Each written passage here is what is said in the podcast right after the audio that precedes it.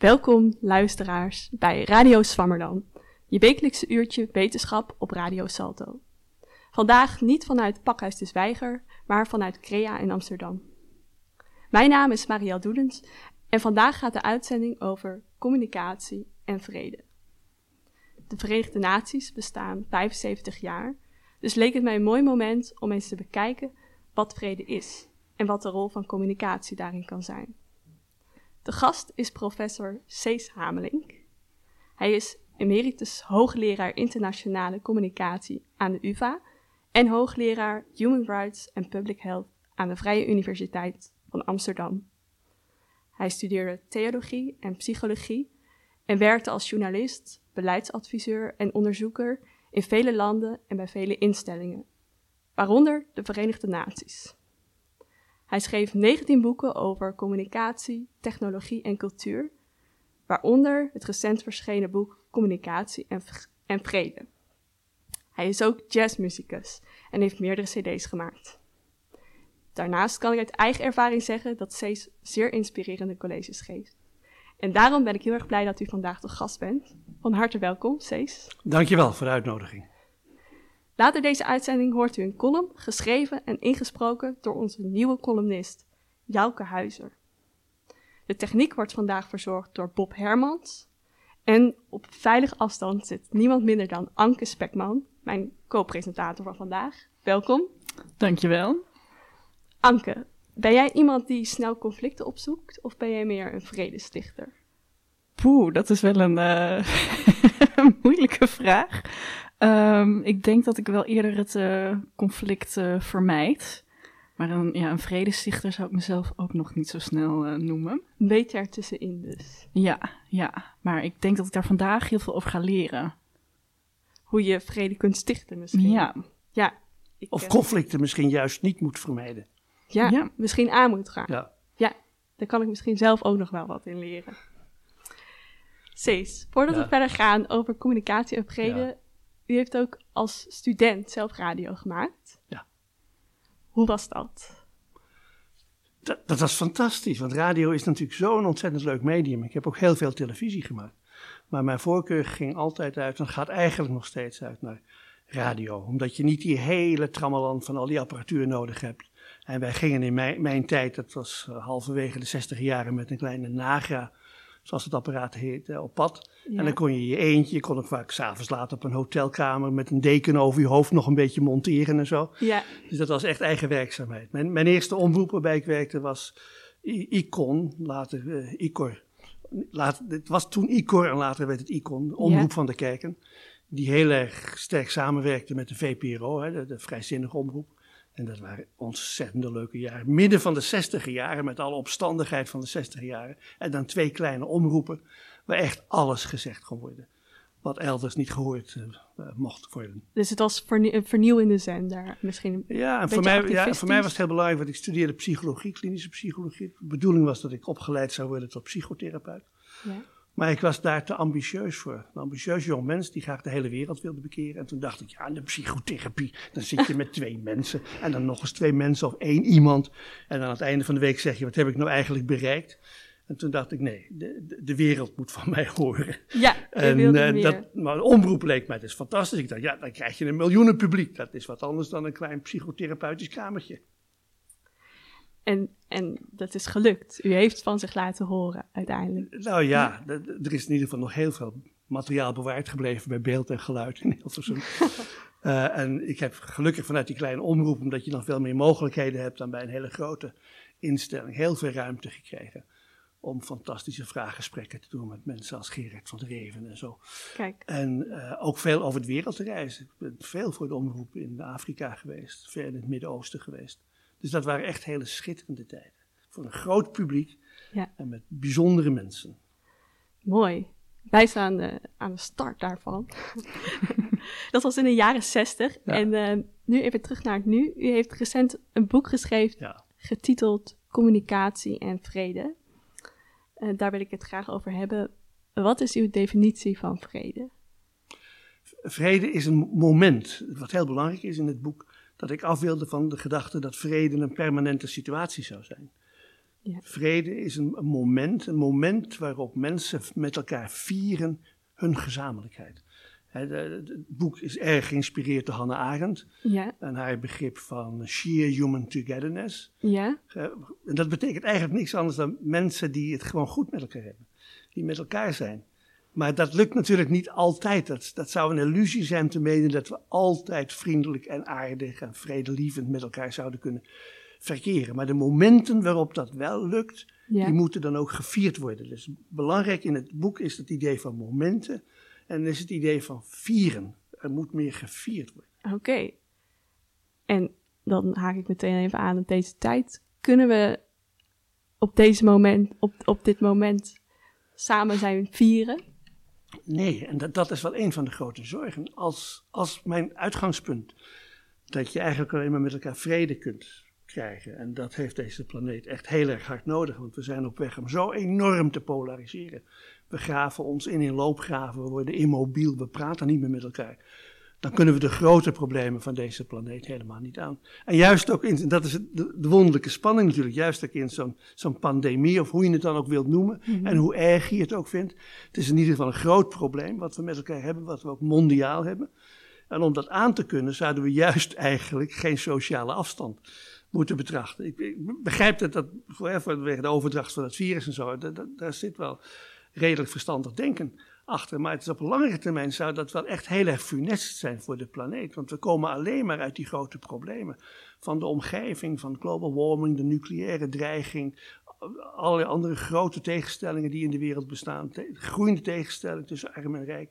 Daar komen we naar mijn idee alleen maar uit met sheer human togetherness. Ja, Door het met elkaar te doen. Zolang we verdeeld zijn, is het eh, een illusie om te denken dat we de grote problemen van de planeet kunnen oplossen. Ja, en met sociale afstand is ja, je kunt natuurlijk wel op anderhalve meter afstand met elkaar met een mondkapje proberen om toch die togetherness te realiseren, Ja. maar dat lukt niet echt goed. ja, het staat het wel eh, in de weg. Ik noemde net ehm Hannah Arendt. Ik heb een kort eh, fragment daarover klaarstaan. Ik stel voor daar even naar te luisteren Ja. en dan eh, kunt u misschien uitleggen hoe dat betrekking heeft op uw werk. Geconfronteerd met de terreur van nazisme en communisme luidt de belangrijkste vraag van Arendt: wat is de zin van politiek? Haar antwoord is op het eerste gezicht raadselachtig. Politiek gaat om wat zij wereld noemt.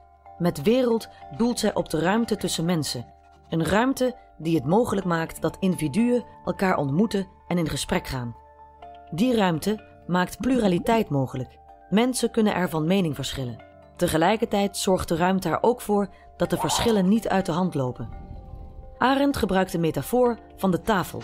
Een tafel verenigt mensen die eraan plaatsnemen, maar maakt het tegelijkertijd mogelijk een meningsverschil letterlijk op tafel te leggen en zo bespreekbaar te maken. Totalitarisme is precies het tegenovergestelde en de vernietiging van de wereld. Want, zegt Arendt, een ruimte die verschillende gezichtspunten mogelijk maakt, is immers ondraaglijk voor een ideologie met slechts één doel, één volk, één leider. Oké, we hoorden dit fragment over Hannah Arendt. Ze had het over wereld en Hmm. Ja. tafel. Een prachtige metafoor. Ja, die tafel. En dat is dus precies wat ik eigenlijk in dat boek ook heb proberen te, eh, te, te zeggen. Het gaat erom dat we met elkaar aan tafel gaan zitten. We moeten daar overigens ook dan wel de tijd voor nemen. En we leven natuurlijk in een zeer gehaast tijdperk.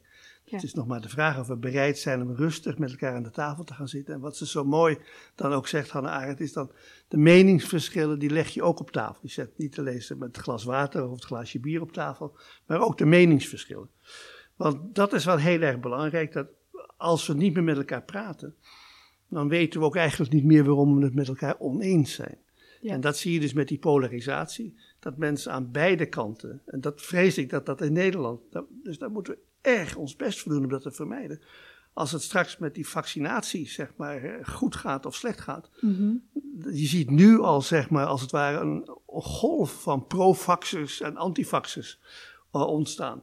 Als die niet meer met elkaar in gesprek willen, dat zou nou een heel mooi voorbeeld zijn van hoe je die verschillende groepen, die daar echt, en die, die, die splitsen zich, zeg maar, ook in gezinnen, in families, in huwelijken, ja. waar mensen er echt heel anders over denken. En daar kun je alleen maar uitkomen wanneer die, dat idee van die tafel van Hannah Arendt gebruikt. En zegt, nou, de wereld is een tafel. We gaan rondom die tafel zitten. En nou wil ik heel goed naar jou luisteren. Ik wil niet bij voorbaat al zeggen dat als ik pro-vaxer ben, dat jij als antivaxer niet deugt. Maar ik wil wel proberen te begrijpen wat je argumenten zijn. Ja. En dat, is, dat wordt enorm onderschat, hoe moeilijk dat is. Mensen zeggen, ja, dan moet je gewoon met elkaar praten. Ja, nou, gewoon met elkaar praten, dat loopt meestal op niks uh, uit. Je moet het goed doen. Je moet goed naar elkaar luisteren. En ik denk dus dat ook in Nederland in de komende maanden we eigenlijk allemaal op cursus zouden moeten gaan om de kunst van het luisteren te leren. Oké, ik heb er wel een, een vraag bij. Um, we hadden het eerder ook al even over de jaren zestig en ja. uh, dat u toen ook radio maakte. Um, ik vraag me af uh, of u daar misschien een verschil in ziet in tijdsperiode. Of we nu um, ja, hoe, hoe uh, luisteren tegenwoordig minder goed naar elkaar? Of was, was dat toen anders? Zit daar een verschil in? Of is het eigenlijk altijd al zo geweest? Nou ja, er waren natuurlijk ook in de zestiger jaren wel onwaarschijnlijke grote meningsverschillen. En wij stonden als opstandige generatie natuurlijk op de barricade, zeker als, als studenten. Hè. Mhm. In Amsterdam en Parijs en, ja. en, en, Berkeley samen met de arbeiders voor de totale revolutie. En daar was natuurlijk niet iedereen het mee, mee eens. Kijk, wat wel heel erg anders is, als je die 60 jaren vergelijkt met wat er nu gebeurt. En ik heb natuurlijk zelf erg de neiging om steeds te denken, maar hoe ging het nou anders in die 60 jaren? Nou, wat in de 60 jaren in ieder geval anders ging, was er een veel krachtiger burgerbeweging was. Er was een heel groot draagvlak voor groepen om zich in te zetten voor problemen. Bijvoorbeeld het Noord-Zuid-probleem, het probleem van de ontwikkelingsvraagstukken, het probleem van de derde wereld. Daar kreeg je talloze mensen voor op de been. En toen er een dreiging was dat er uh, cruise missiles in Nederland zouden worden geplaatst, trokken we toch met een paar miljoen mensen, mind you, naar Den Haag om daar te demonstreren. En tegen de Vietnamoorlog He, met mooie bordjes waarop, je mocht nog niet zeggen dat president Johnson een moordenaar was, maar dan hadden we op de borden geschreven Johnson molenaar. en, dat, en dat mocht dan wel. Ja. En dat sentiment van die, die betrokkenheid met elkaar, die zo grootschalig was, was wat heel erg bijzonder. En wat een heel groot verschil is natuurlijk, omdat ik uit de journalistiek kom, ben ik natuurlijk ook voortdurend geneigd om de journalistiek, zoals ik die nu zie, bij de persconferenties van de minister-president uh, en de minister van, uh, van Gezondheid. Uh, als ik dat vergelijk met de jaren zestig, dan ja, dat is ook een heel groot verschil. Wij waren kritische journalisten, maar echt heel erg kritisch, met een grote dossierkennis. En dat mis ik nu wel. Ik hoor bij die persconferenties van de minister-president, hoor ik wel vragen stellen, maar ik heb nog nooit een echte kritische vraag gehoord. kijk, wij bedreven journalistiek op zo'n manier dat als een politicus wist ik word vanavond door Joop Fontijn, door Bobby Brugsma of uh, misschien ook door Cees Hameling geïnterviewd. Dan was die politicus de hele dag een beetje beroerd eigenlijk. Die had een soort van lichte diarree. Die maakte zich grote zorgen over wat er s'avonds... Want dan zat hij tegenover een jongen of een meisje... wat zoveel dossierkennis had. En wat kon zeggen, ja, maar op 24 februari 1952... Uh, nou, dat, dat, dat mis ik een, uh, een beetje. En dus het, die gezamenlijkheid die, die burgerlijke ongehoorzaamheid. We waren natuurlijk zeer on, ongehoorzaam, goed georganiseerd, maar ook zeer uh, eloquent. Dat kwam in de media ook duidelijk. Oh, en enorme debatten werden er natuurlijk gevoerd. Dat is ook, ook wel. Ik herinner me dat ik voor Icon een, een jaar lang een televisieprogramma heb gemaakt. Dat heette Kruisverhoor. Mhm. Mm -hmm. Nou, dat loog er niet om. Daar werden mensen, zeg maar, derde graads inquisitie. Zo. Maar dat was wel heel erg leuk, omdat dat ging er niet alleen maar om om te scoren. Dat ging, in dit geval was het een programma van gevestigde theologen met hun dogmatische standpunten. En dan hadden we een klein clubje hele radicale jongeren, theologen en filosofen. En die het niet ging om te scoren, om die oude mannen en vrouwen even netjes af te maken. Maar om echt te begrijpen waarom zijn we het met elkaar oneens.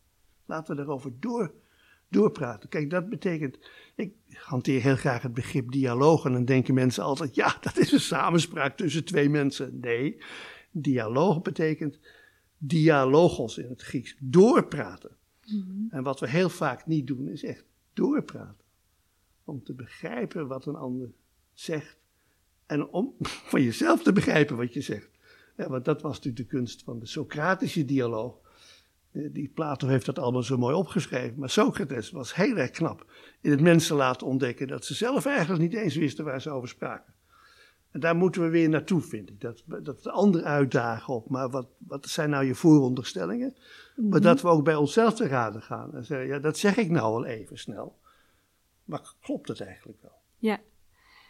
U eh, noemde net, eigenlijk moeten we met z'n allen op een cursus luisteren Ja. en in dialoog gaan Ja. dus. In uw boek en ook in colleges die ik heb gevolgd, noemt u dat, denk ik, deep dialogue. Ja, ja.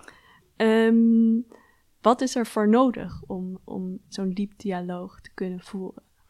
Een paar, eh, een paar elementen. Het belangrijkste element is denk ik vertrouwen.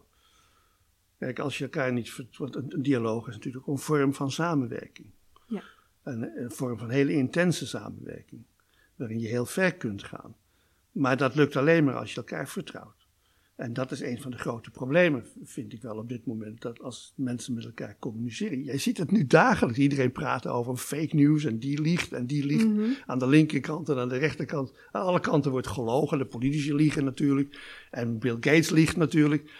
Ja, dat is een lastige situatie, want als we elkaar helemaal voor geen cent meer vertrouwen, en misschien zijn daar goede redenen voor, daar wil ik vanaf zijn, maar dan wordt een echte dialoog wel heel erg moeilijk. Het moet toch een vorm van vertrouwen zijn. Dat vind ik heel belangrijk. En een tweede heel belangrijk element is geduld. Kijk, als we voortdurend bezig zijn om 160 keer per dag onze te- mobiele telefoon even te controleren, omdat we zo graag in de loop willen blijven, dan komt er van dat rustige gesprek natuurlijk niks. Dus we moeten weer leren om geduld te hebben. Eh, daarnaast eh, mijn pleidooi voor het luisteren. En dat lijkt heel gemakkelijk, maar dat is het in een haastige, competitieve samenleving. Is, moeten we weer terug, we moeten allemaal weer op het nachtkastje dat mooie boekje hebben liggen van Bertrand Russell, de grote Britse filosoof, die in 1932 een boekje schreef in Praise of Idleness. We moeten gewoon weer lui durven zijn. We moeten gewoon weer toegeven dat we even niks doen. Dat we even de tijd nemen want ik denk dat veel mensen zullen zeggen: ja, dat kan die Hameling nou wel zeggen. We moeten echt converseren, we moeten een dialoog gaan. Maar dat vind ik zonde van mijn tijd. Daar heb ik Ja. geen tijd voor. Dat is tijdverlies. Nee, dat is juist een hele mooie manier om je tijd te besteden. Maar dat moeten we wel, wel leren. En ik denk dat we vervolgens zullen moeten leren om te communiceren met elkaar in vrijheid. Ik moet jou de gelegenheid geven om een argument op te bouwen waar ik naar luister, serieus naar luister. En waarvan ik dan vervolgens weer de vrijheid neem om te zeggen: Marielle, dat klinkt aardig, maar je hebt me toch niet echt overtuigd. Ja. Ik heb toch een, en, dan, en dan luister jij weer goed naar mijn argument. Eh, en dat betekent voor mij, wat ik in het boek heb genoemd, communicatieve vrijheid. Dat eh, argumenten ook vanuit heel verschillende uitgangspunten, vanuit verschillende gezichtspunten, met elkaar bespreken. Om tenslotte toch, zeg maar, toe te komen op een soort van verstaan van elkaar. En common ground. Wat nogmaals, hè, de, eh, eh, a house divided against itself cannot stand, zei Abraham Lincoln voordat hij president werd. En dat vind ik een hele mooie uitspraak. Een house divided. Ja. En, en we hebben nu te maken met een planeet. Een huis dat verdeeld is. Hij wees op de Amerikaanse Senaat. Maar dat zou je ook kunnen transponeren naar onze planeet en onze wereld en onze samenleving. Een verdeelde samenleving redt het niet. Nee. Dus daarom is die diepe dialoog zo. En dat is nu even moeilijk, want we, nou ja, we kunnen natuurlijk wel met mondkapjes en anderhalve meter afstand toch proberen dat te realiseren. Ja. Maar dat is even lastig. Ja. Dus het gaat om eh, vrijheid, Ja, vertrouwen ja, en geduld Ja. eigenlijk vooral. Ja. En in, ja, u zei het al, de samenleving is best gepolariseerd. Eh, de ene politieke partij die vertrouwt eigenlijk de, de mensen Nee. van de andere po- politieke partij niet. Nee. Hoe zouden we dan toch dat dialoog kunnen creëren? Of kan dat eigenlijk niet? Nou ja, kijk, in, in in het boek heb ik gezegd, als je, als je het pleidooi houdt voor die eh, maatschappelijke dialoog, in de, in de diepe zin van dat vertrouwen en dat geduld en zo, dan is het probleem nog niet opgelost, want dan moet je ook nog plekken zoeken waar je zo'n dialoog zou kunnen laten plaatsvinden. En die heb ik in het boek sanctuaries genoemd. Ik vond dat wel een mooi begrip. Sanctuaries, dat zijn eigenlijk vrijplaatsen. Waar mensen zich op hun gemak voelen, waar ze zich niet belaagd voelen. Waar ze het gevoel hebben, ik kan zonder dat er allemaal camera's rondom mij hangen die alles registreren, kan ik in vrijheid met een ander praten. En wat ik zelf eigenlijk interessant vond, is dat ik dacht, ja, dan moet ik ook in het boek uh, aangeven waar die dan zijn, die vrijplaatsen. Mhm. En toen dacht ik eerst natuurlijk ja, aan mijn alma mater, de universiteit. En toen dacht ik, ja, dat is, dat is geen geschikte vrijplaats meer. Want ook de universiteiten zijn op enkele uitzonderingen na toch plekken van een grote mate van competitie geworden. Uh, elkaar de kersen van de tijd uh, eten, elkaar niet helemaal meer vertrouwen en zo. Mhm. Uh, en daar is ook een, snelheid is heel belangrijk. Je moet alsmaar publiceren. Je moet zelf, zelfs voordat je er goed over nagedacht hebt, moet je proberen je artikel in een peer-reviewed wetenschappelijk tijdschrift te krijgen. Snel onderzoek doen, dat zie je nu ook rondom Mhm. dat vak. Hè. Gaan we ineens in grote haast gaan van alles onderzoeken. Dus dat is geen geschikt klimaat ervoor. Ik dacht, nou, universiteiten niet. Toen dacht ik, nou, misschien, kijk, de religieuze instellingen, de, de kerken, en vooral de protestantse kerk, de Wereldraad van Kerken, heeft altijd erg aangedrongen op dialoog, interreligieuze dialoog. Mhm. Maar daar is in de praktijk eigenlijk nooit wat van gekomen. Hè, want als, ik herinner me de periode dat ik zelf bij de Wereldraad werkte, dan wilden wij een dialoog. En dan kwamen de andere godsdiensten, die kwamen dan, nou liever niet eigenlijk. En als ze al kwamen, kwamen ze uit een soort van burgerlijke beleefdheid. Niet omdat ze het echt nodig vonden om een dialoog te gaan. Nee. Het sterkste was toch natuurlijk met Rome. En dan kwam er wel een vertegenwoordiger van het Vaticaan, maar die zei dan aan het eind van de dialoog: Nou ja, het is natuurlijk toch duidelijk dat jullie eigenlijk bij ons horen. En je moet allemaal zo denken zoals wij denken. Dus dat zijn ook, dat zijn ook zo ja, bevooroordeelde groepen. Nou, het duurt te lang om al die groepen na te gaan. En tenslotte kwam ik bij één instituut uit waarvan ik dacht: Ja, nu heb ik wat te pakken. De openbare bibliotheek. Ja.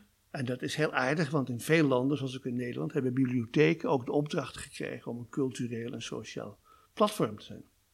En toen ben ik eens gaan kijken bij bibliotheken in, in Alkmaar en in Almere en in Amerongen en in Amsterdam. En toen dacht ik, wat aardig is dat je in die bibliotheken meer dan overal elders verschillende etnische groeperingen ziet. Ziet. Er zijn veel instellingen waar je eh, mensen zeg maar, met een hoofddoekje, die komen daar niet.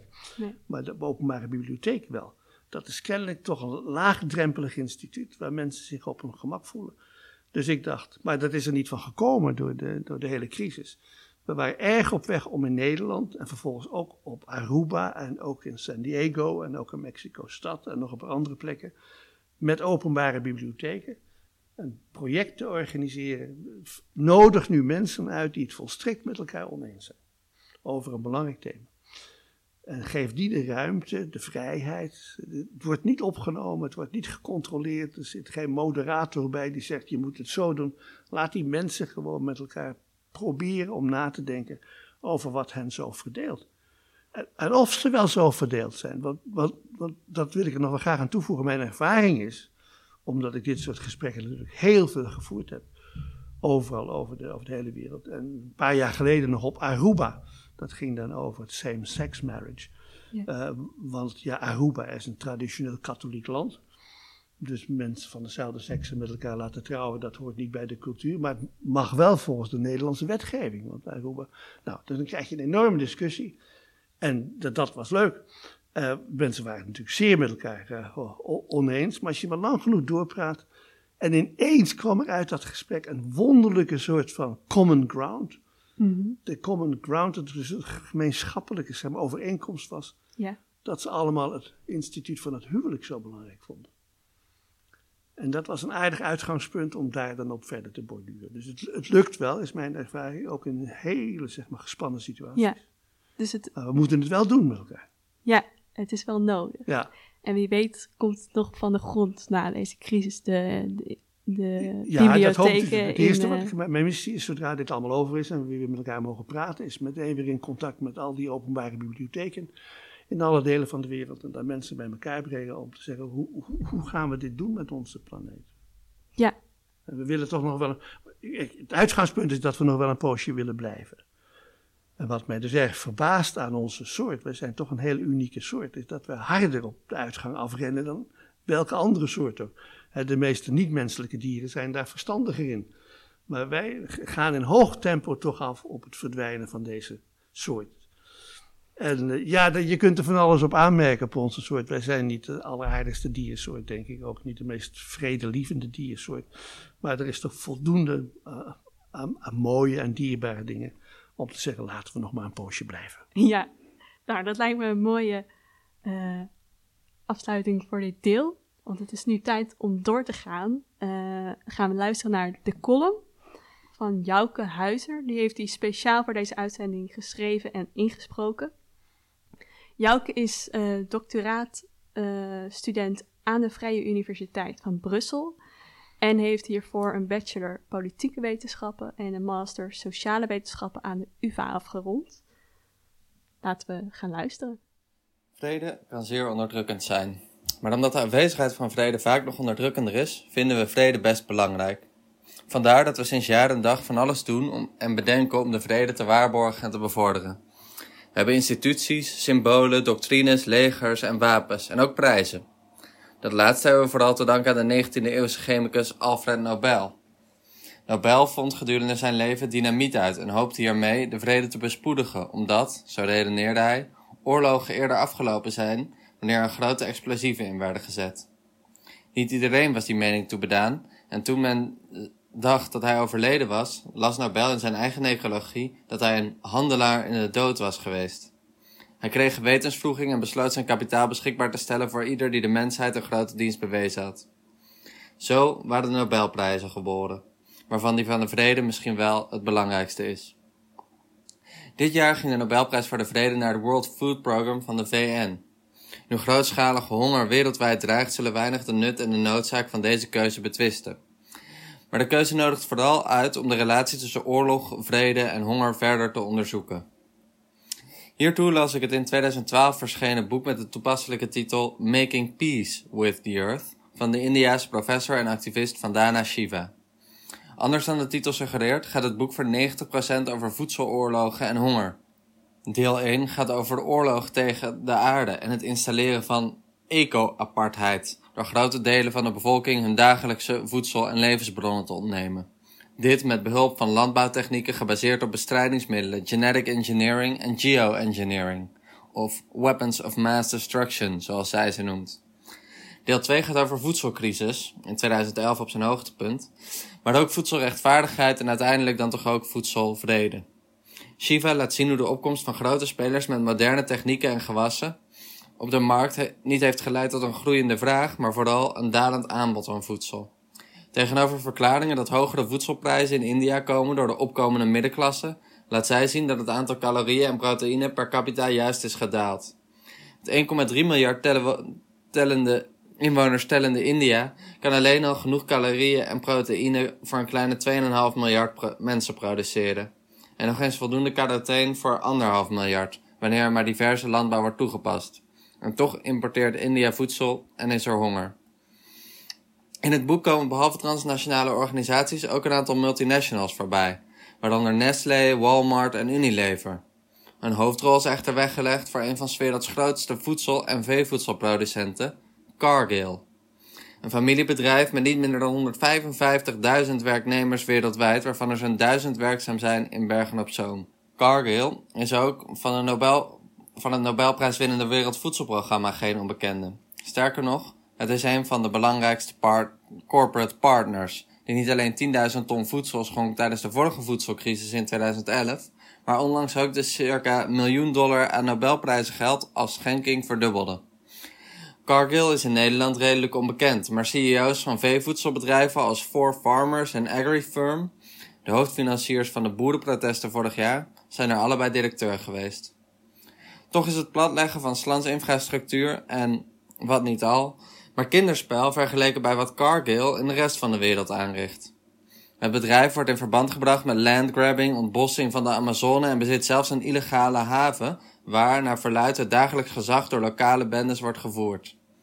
De belangrijkste veranderingen die dit mogelijk, maken, die dit mogelijk maakten voltrokken zich in de jaren 80 en 90, toen de vicepresident van Cargill de conceptversie voor een vrijhandelsverdrag van de latere Wereldhandelsorganisatie schreef.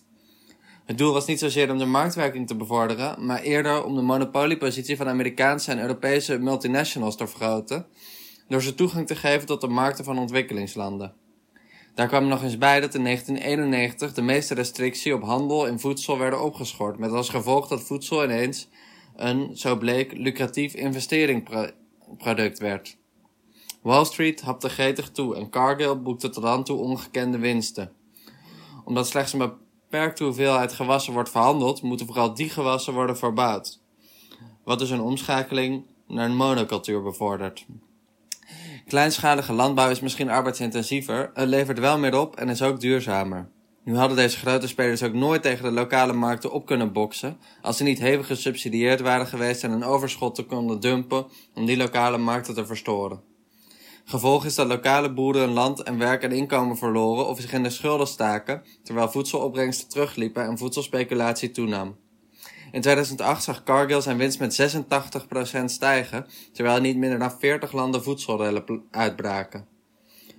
Prijzen bleven tot 2011 stijgen en worden als een belangrijke factor gezien voor de opstanden in de Arabische wereld dat jaar en in de nasleep de burgeroorlogen in Libië, Syrië en Jemen. En tijdens zo'n oorlog komt dan het Wereldvoedselprogramma om het noodzakelijke voedsel te brengen.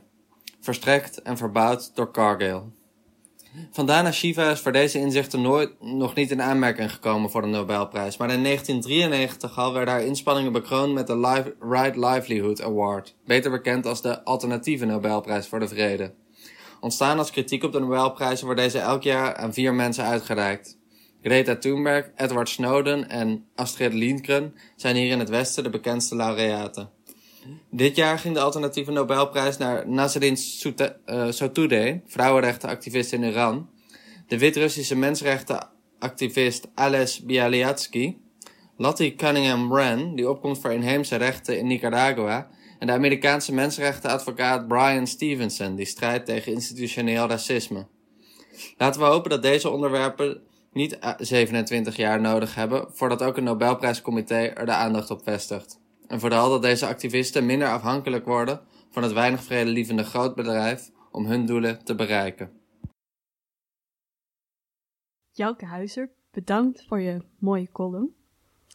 Jouke had het over de multinational Cargo Grill, een voedsel- en veevoerproducent die voedsel levert voor, voor Nobelprijs winnende World Food Program. Dit lijkt dus heel nobel, maar het gaat Cargill voornamelijk om het maken van winst door te profiteren van de markten in ontwikkelingslanden. Van Dana Shiva vat het samen in een tweet: Cargill is not about feeding the hungry, but super profits from selling. Cargill gaat niet over het voeden van hongerige mensen, maar over de grootste winsten door verkoop. Is uh, zo'n World Food Program nou de manier om vrede te bereiken? Nee, het is natuurlijk een schande dat we zo'n programma hebben. Ik vond het heel prettig dat uh, Vandana Shiva, met wie ik heel veel heb samengewerkt, uh, uh, genoemd werd. en heb via haar ook een andere Nobelprijswinnaar in de tijd leren kennen, Amartya Sen, de befaamde Indiase econoom.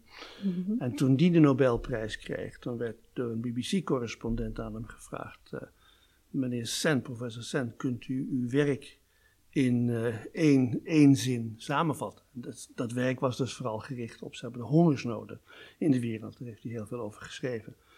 En toen zei hij, ja, het beste begrip is overbodig. Het is, het is ondenkbaar dat wij zoveel voedsel in de hele wereld hebben. En dat we niet bereid zijn om dat met elkaar te verdelen. Uh, dus ik denk dat daar eigenlijk de aandacht naar uit zou moeten gaan. Er is voldoende voedsel. -hmm. Maar door allerlei politieke mechanismen en, economische mechanismen zijn we niet bereid om dat met elkaar te delen. En dat geldt ook zeker voor zo'n groot land als India. Het probleem van India's armoede en honger zou gemakkelijk ook zelfs door de eigen elite opgelost kunnen worden. Die zo onvoorstelbaar veel middelen tot haar beschikking eh, heeft. Maar er is, een, er is een onwil. En ik denk dus dat je met elkaar zou moeten proberen om die onwil te doorbreken. En dan is het natuurlijk wel mooi dat je in de onmiddellijke nood, zeg maar, uh, voorziet. Uh, natuurlijk, als mensen doodgaan omdat ze geen eten hebben, is het uh, prettig als een organisatie die ze toch iets te eten geeft. Maar je moet je voortdurend wel realiseren dat dat natuurlijk eigenlijk allemaal overbodig zou moeten zijn. Superfluous, ja. Matthias. En, want het is een krankzinnige situatie dat we voldoende hebben. En dat daarin dan ook nog vervolgens weer grote kartels Want Cargill is, eh, behoort tot de grote, mm-hmm. grote kartels. Kartels die we op allerlei gebieden zien. Hè, de, de farmakartel, de grote wapenindustrie, uh, de, grote, de uh, grote technologiebedrijven. Dat zijn allemaal kartels. Ja. En die zijn niet erg bevorderlijk voor de vrede, omdat die natuurlijk niet op hun agenda hebben staan. Zullen we eens een diepe dialoog met elkaar voeren? En zullen we proberen common ground te vinden? En zullen we streven naar, naar sheer human togetherness? Nee, dat zijn allemaal organisaties die de verdeeldheid erg uh, bevorderen. En het is, het is mooi dat het, het is een VN-programma en zodra het om de Verenigde Naties gaat, word ik altijd een beetje behoedzaam, omdat ik zoveel jaren voor en met Verenigde Naties programma's heb geweten. Ja.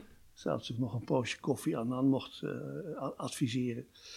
Dus een grote bewondering, maar ook een enorme diepe kritiek. Het is wel een van de meest bureaucratische, slecht functionerende organisaties die je in de wereld kunt bedenken. Ik zeg wel eens tegen studenten, als je nou een groepje planners bij elkaar zet en je zegt, jullie krijgen 24 uur de tijd om de meest slecht functionerende organisatie, die zo bureaucratisch is, dat die van geen kant effectief is, te bedenken.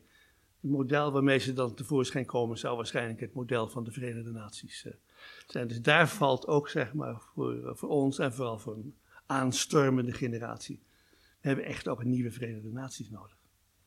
Ja, want de Verenigde Naties bestaat dus al 75 jaar. Ja. ja. En het werkt eigenlijk nog niet Nee, maar het werkt niet eh, omdat er een weeffout in zit. En die weeffout zit erin van het begin. Kijk, in het handvest van de Verenigde Naties wordt gezegd: uh, We the peoples. Mm en dat had het eigenlijk moeten zijn. Wij de volkeren, wij de mensen. Maar dat werd het niet. Het werd we the states. Uh, en, niet, en nou ja, dat wordt dan een beetje vergoelijkt door, we noemen dat dan graag nation states, maar dat is een geweldig verwarrende, uh, verwarrend begrip. Wat naties en andere entiteiten dan staten. Het gaat om staten. Dan heb je een mhm. organisatie van bijna 200 staten. Want dat is de club, dat is, dat is, dat is de vereniging, daar moet je het mee doen. Ja. Nou, de meeste van die staten hebben dictatoriale regimes, hebben ondemocratische regimes, zijn schurkenstaten. De, de meerderheid van staten in de wereld deugt gewoon niet zijn corrupt, door en door corrupt. En corruptie is iets wat misschien het meest zeg maar, vernietigende verschijnsel is, dat overal inkruipt. Er heeft recentelijk een Amerikaanse politicoloog een mooi boek geschreven over de corruptie in de Verenigde Staten. Die zei, ik was altijd in Afrikaanse landen, in Afghanistan en zo. En daar zag ik enorme corrupte samenlevingen. En toen ben ik eens naar mijn eigen samenleving gekeken, maar wij zijn net zo corrupt als in al die Latijns-Amerikaanse landen bijvoorbeeld. Uh, zijn. Dus corruptie is een vernietigend uh, verschijnsel. En zo, uh, zolang we dat op de een of andere manier niet onder controle weten te, weten te krijgen. en staten zijn vaak zeg maar de, de, de vertegenwoordigers daarvan. Mm -hmm. als, je, als je me even de ruimte geeft, even heel erg kort anekdotisch. Op een dag zegt een van de diplomaten bij de Verenigde Naties, die zegt tegen mij ik had allerlei voorstellen gedaan. Dat hield eh, verband met de genocide in Rwanda. Ik vond dat we daar met 200.000 blauwe helmets naar binnen moesten gaan. In plaats van met een handjevol lichtbewapende soldaten. Mhm. Overweldigende meerderheid. En dat we die radiostations meteen moesten uitschakelen. Die opriepen tot genocide. Nou, dat was niemand het mee eens. Nou, dat, dat gaat zo in het leven. Maar die diplomaat die zei tegen me: Je moet je goed realiseren dat jij bent een ongeneeslijke romanticus. Jij denkt nog steeds dat het op de een of andere manier met die staten goed komt. Maar je moet je realiseren dat de Verenigde Naties is een tennisclub waar jij geen lid van zou willen zijn. Want de meeste leden zijn zwendelaars, zijn verkrachters, zijn dieven, zijn moordenaars. En die zijn door en door corrupt. Zou je daar lid van willen zijn? Nou, als je dat even tot je door laat drinken, dat dringen, dat was natuurlijk een beetje zeg maar. Dat drinken is trouwens goed, want we hebben daarna met elkaar een goed glas whisky moeten drinken. om hier weer van die analyse te herstellen. Maar als je daarover na gaat denken, dan denk je, ja, we zullen toch op de een of andere manier een nieuw begin moeten proberen te maken. Met een organisatie die echt een organisatie van, van mensen is en niet van, van staten. Of een organisatie bijvoorbeeld van, van nations. De nations in de wereld, dat zijn de first people van, eh, van, van, van, van Canada, dat zijn de, de Inuit. Dat zijn de inheemse volkeren in Australië, dat zijn de Maori in Nieuw-Zeeland. Er zijn allerlei groepen in de wereld. Die, dat zijn de Maasai. Uh, bijna al die volken zijn verdeeld over staten. Die zijn heel willekeurig zijn die ingedeeld in verschillende staatsverbanden. Maar om die volkeren gaat het eigenlijk. Er zijn nog steeds heel veel heel krachtige inheemse volkeren in de, in de wereld. Dat vond ik heel mooi bij in, in Mexico, daar is een nieuwe president benoemd, López Obrador. Ja. En bij zijn inauguratie, daar hebben weinig media aandacht aan gegeven, was er een bijeenkomst van de inheemse volkeren van Mexico. Want wat mensen vaak niet weten is, maar de, de, de Azteken en de Maya's, die zijn er nog gewoon. Dat Ja. zijn er groepen die allemaal hun eigen taal nog spreken, hun eigen cultuur handhaven. En die kwamen allemaal in grote getalen naar Mexico-stad om tegen de president te zeggen, u bent onze president. En we hebben volledig vertrouwen in u. Dat was zo'n prachtig symbolisch gebaar van de gewone volkeren. ja. Waar je normaal eigenlijk niks van hoort. Nee. En die nee, niet vertegenwoordigd worden Nee. eigenlijk in Nee. zo'n eh, Verenigde Naties. En die zouden ook een stem moeten Ja, krijgen. en, ja. en die, die gaven hem, want dat, doen, dat gebeurt bij veel inheemse volkeren, die gaven hem een soort van staf, waarmee je dus als voorzitter even de vergadering voorzit. Maar die zeiden er wel bij, maar die staf nemen we weer terug, zodra je onze belangen niet vertegenwoordigt. Ja. Nou, dat vind ik, dat zijn schone momenten in, in, de, in de geschiedenis. En, denk je, en daar moeten we het van hebben. En Mooi. dus u, u, u had het erover dat, die, eh, eh, dat er een, een verschil is dan tussen naties en natiestaten. Ja. En dat daar ook uiteindelijk een, de weeffout van de Verenigde Naties eh, zit. Maar eh, ziet u daar ook iets wat we daaraan kunnen doen? Is er, is er een manier om over die grenzen heen Ja, te gaan? Ja, ja. Ja dat, dat is natuurlijk zeg maar de 62.000 dollar vraag. Kun je, er wat, kun je er wat aan doen? Ik vind wel dat we daar allemaal op uitgedaagd moeten worden.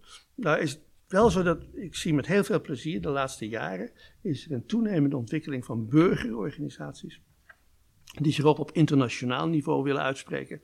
Er is nu ook een voorstel bij de Verenigde Naties om naast zeg maar, de algemene vergadering, waarin de staten bij elkaar komen, een alternatieve algemene vergadering te doen met vertegenwoordigers van, van, van gewone mensen. Dat is allemaal nog niet zo vreselijk eenvoudig om dat te realiseren, want wie zijn dat dan?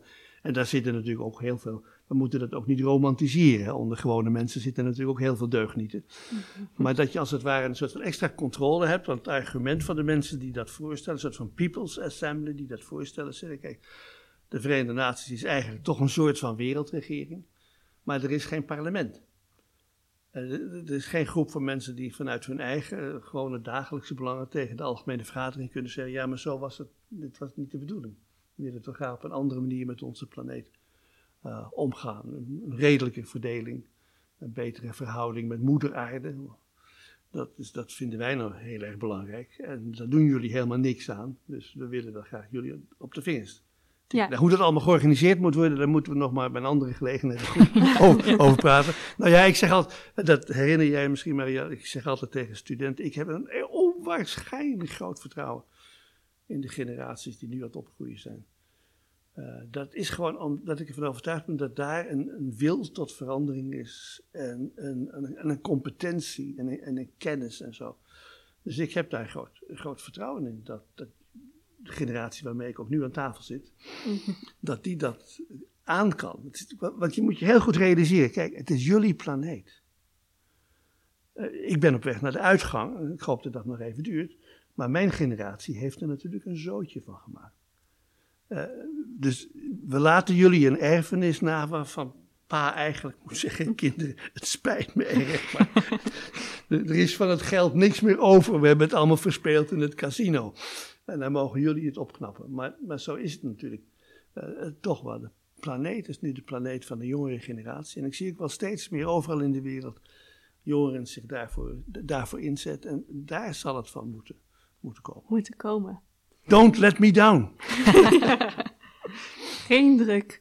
Wat u ook altijd eh, zei in college is dat u eigenlijk eh, in uw diepste wezen een jazzmuzikant bent. Ja. Hoe zit dat? Nou ja, van heel, heel jongs af aan heb ik muziek eh, gemaakt. Ik heb op mijn 16e of 17e vriendschap gesloten met eh, een later een van Nederlands meest befaamde jazzpianisten, Louis van Dijk. Louis en ik zijn een leven lang, eh, 62 jaar, goede vrienden geweest. We hebben heel veel met elkaar gespeeld, ook in New York gespeeld, eh, op grote festivals gespeeld, veel platen gemaakt, veel televisie gemaakt. Eh, en- en daarna ben ik op een gegeven moment de wetenschap ingegaan en hij is de muziek ingegaan. Maar ik ben altijd als, dan, als niet-beroepsmuzikant jazzmuziek vooral blijven maken. Ook wel andere soorten van muziek, want er is natuurlijk maar één soort muziek en dat is gewoon goede muziek. Weet je. En dat kan ook pop zijn, dat, dat kan van alles zijn. Ik heb ook veel klassiek gespeeld. Maar jazz heeft toch echt mijn hart en dat heeft te maken met waar we het eerder vandaag over hebben gehad. Als je die dialoog wilt, dan moet je elkaar vertrouwen. In Ja. een jazzband moet je ontzettend op elkaar vertrouwen. Je moet het leuk vinden om met elkaar samen te werken. En je moet er ook geduld voor nemen. En die vrijheid, de vrijheid van de improvisatie. En het moet swingen. En dat vind ik dat dat veel meer overal moet gebeuren. Hè. De, eh, Duke Ellington heeft ooit een, een mooie compositie geschreven van... It don't mean a thing if it ain't got that swing. En ik pleit er al jaren voor dat bij de ingang van universiteiten, maar ook van ziekenhuizen, daar moet die spreuk van Ellington hangen. It don't mean a thing if it ain't got that swing. Als je niet met elkaar swingt, dan vergeet het maar, dan wordt het nooit meer wat. Daarom vind ik ook dat kinderen, dat is ook altijd een pleidooi wat ik graag houd, dat als je kinderen hebt, of als je, zus of je broer kinderen heeft, of eh, hoe dat ook allemaal mogen zijn, stimuleer ze vooral om naar een muziekschool te gaan waar ze een jazz big band hebben. Die kinderen die vanaf hun zevende, achtste leren spelen in een jazz big band, dat worden andere mensen. Die zijn gericht op coöperatie, die zijn gericht op elkaar vertrouwen, zijn gericht op naar elkaar luisteren. Anders wordt het niks met die, met die big band. En plezier hebben met elkaar. Fun, serious fun. Kan jazzmuziek dan bijdragen aan de wereldvrede? Ja, dat denk ik wel. Ik ben er absoluut van overtuigd dat er overal over de wereld meer jonge mensen met elkaar jazzmuziek spelen. En ik heb ook wel eens gepleit bij de, bij de Verenigde Naties voor een soort van global jazz dialogue. Dat we overal in de wereld jeugd big bands organiseren die met elkaar eh, spelen met grote vreugde en met, met grote vrij- vrijheid. Waardoor overigens, en dat is, wel, dat is ook nog zeg maar, een interessant verschijnsel, in al die hersens van al die jonge mensen wordt oxytocine losgemaakt. En dat is een belangrijk hormoon, dat is het knuffelhormoon. Dat als dat in je hersens een rol gaat spelen, dan ben je meer geneigd om aardig te zijn tegenover andere mensen. Dus ik, ben ook een groot voorstander van een soort van global hugging. Dat, dat mag dus ook nu even niet. Dus dat, dus- maar dat is een beetje moeilijk, maar ik vind dat een mondiaal knuffelen. eh, als gevolg van dat hormoon en met elkaar samenwerken en met elkaar veel plezier maken. Want dat plezier, wilde ik ook nog wel even gezegd hebben, is ook een geweldig onderschatte factor. Fun is een underrated factor. En als we de dingen niet leuk vinden, dan wordt het ook niks. Nee, we moeten het vooral leuk maken. Ja. En eh, ik denk dat we het nu leuk gaan maken. Want ik wil graag eh, naar een eh, fragment, een lied gaan luisteren van uzelf. Samen met uw friends. Ja. Professor and Friends Ja. heet het. Ja. Ehm, het lied, lied heet eh, La Mer. En let vooral op de accordeon, want die wordt bespeeld door professor Cees Hamelin.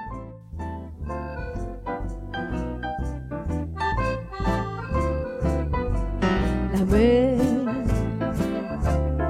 qu'on voit danser le long des golfes clairs a des reflets la mer des reflets changeants sous la pluie. La mer au ciel d'été confond ces blancs moutons avec les anges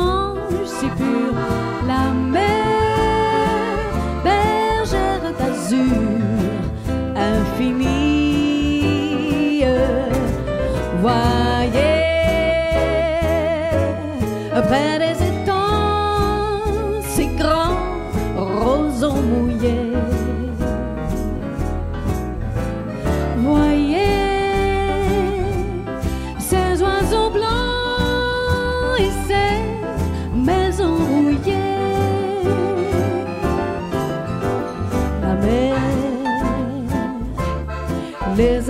le long des golfes clairs et d'une chanson d'amour la mer a percé mon cœur pour la vie de zee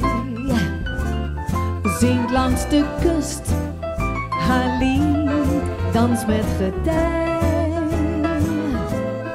Golven in zonnelicht, de zee klinkt als een gedicht in de oren. De zee, eindeloos vervuld van een geheim dat zoveel schoonheid biedt.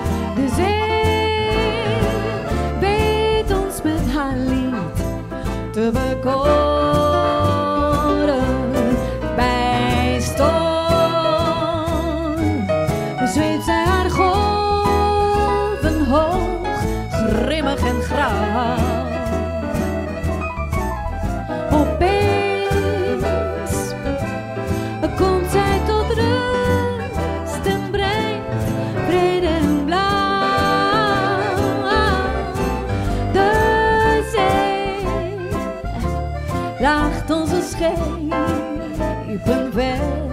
in het verschiet. En al brengt zij dikwijls smart,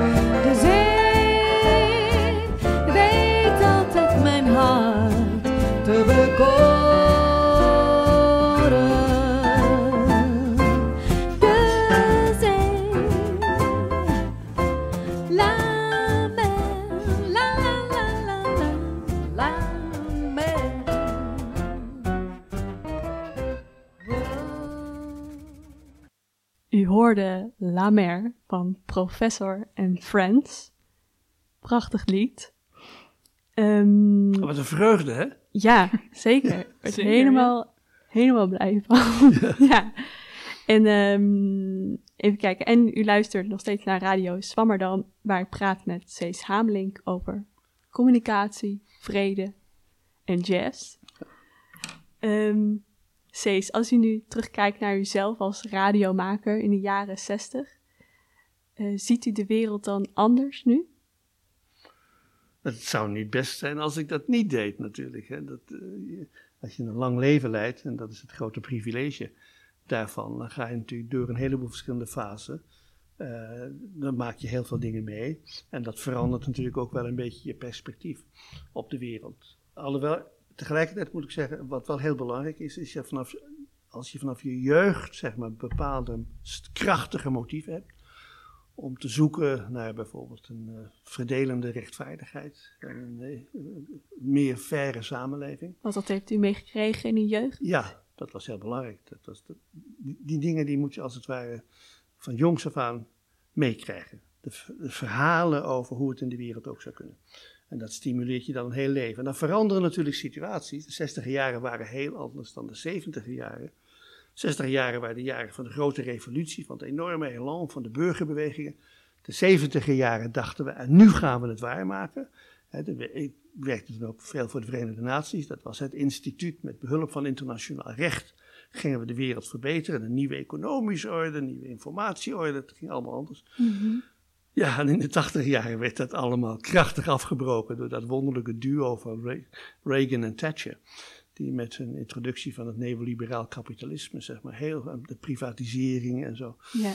eh, he- heel veel van die initiatieven onder, ondermijnden. Maar als je maar krachtig genoeg gemotiveerd bent, dan, dan, dan kijk je daarna en dan denk je, ja, dat is jammer, dan hadden we toch zoiets moois opgebouwd en het wordt achter elkaar omgekregen. Maar dat betekent niet dat je niet, niet doorgaat. Dus je vindt een aantal vaste motieven die steeds weer, steeds weer terugkomen. En wat mij betreft is een vast motief ook altijd geweest, al vanaf mijn eh, achtste jaar, is het de, poging om te bemiddelen tussen mensen die het volstrekt met elkaar oneens zijn. Eh, en dat, eh, ja, mensen vragen wel eens wie was nou de belangrijkste invloed in je leven. En dan hopen ze altijd dat je zegt, nou, Hegel of Nietzsche. Of- Ja. En dan zeg ik altijd, dat was juffrouw Petersen. Juffrouw Ja. Petersen was de, de, de onderwijzeres van de lagere school in het dorp Bokstel in Brabant. En het was een kleine protestantse school, een kleine enclave. Daarnaast was een hele grote katholieke school. En er waren dus altijd conflicten. De protestanten en de katholieken, die kinderen, we vochten altijd met elkaar. We gooiden stenen naar elkaar. Als we uit school kwamen, dan stonden de katholieken, de protestanten op te wachten Ja. om die eens even in elkaar te slaan. Dus dat was altijd. En op een gegeven moment liep dat zo uit de hand. En toen zei juffrouw Petersen: er moet gesproken worden met de kinderen van die eh, katholieke school. En Kees Jan, zoals ze mij noemden, Kees Jan, wil jij dat doen? En het merkwaardige is dat ik niet meer precies weet, misschien omdat ik haar zo aardig vond, of omdat ik haar zo intimiderend vond. Maar ik zei ja. Mhm. Eh, en dat was een heel belangrijk moment in mijn leven. Want dat was de eerste, zeg maar, eh, bemiddelingsmissie. In, later heb ik die dingen ook wel gedaan voor de Verenigde Naties, in ja, aanmerkelijk grotere conflicten. Maar dat was voor het eerst van mijn leven dat ik naar een vijandig kamp toe moest.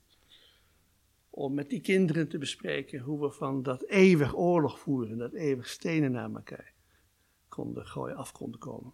En ik heb het opgelost. Ja, Door weer, ik heb dat al eens eerder gezegd in, deze, in dit gesprek, common ground.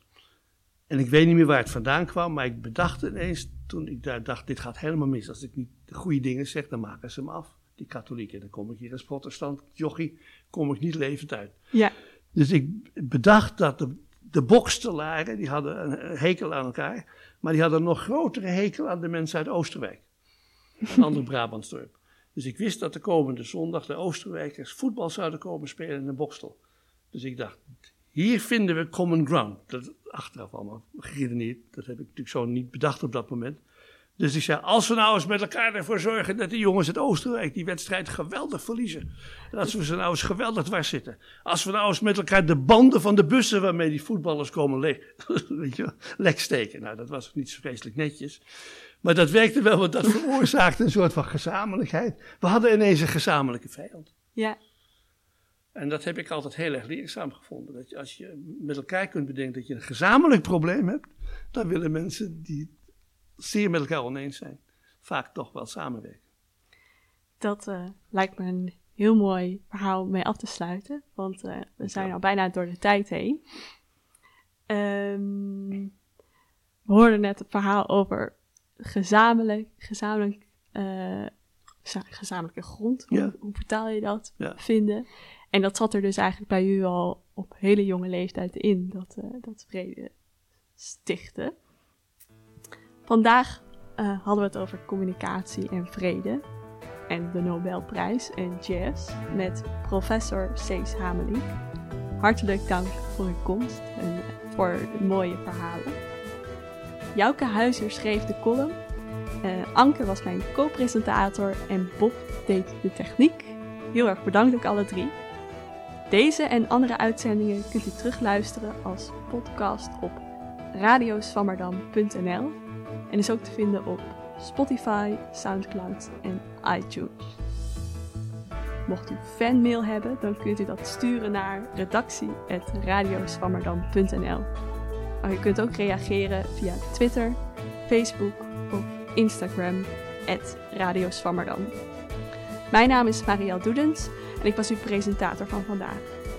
Volgende week zijn we er weer, zondagochtend om 11 uur op Radio Salto. Die uitzending zal gaan over ironie. Dat lijkt me een vrolijk vooruitzicht. Graag tot dan en voor nu nog een hele fijne zondag.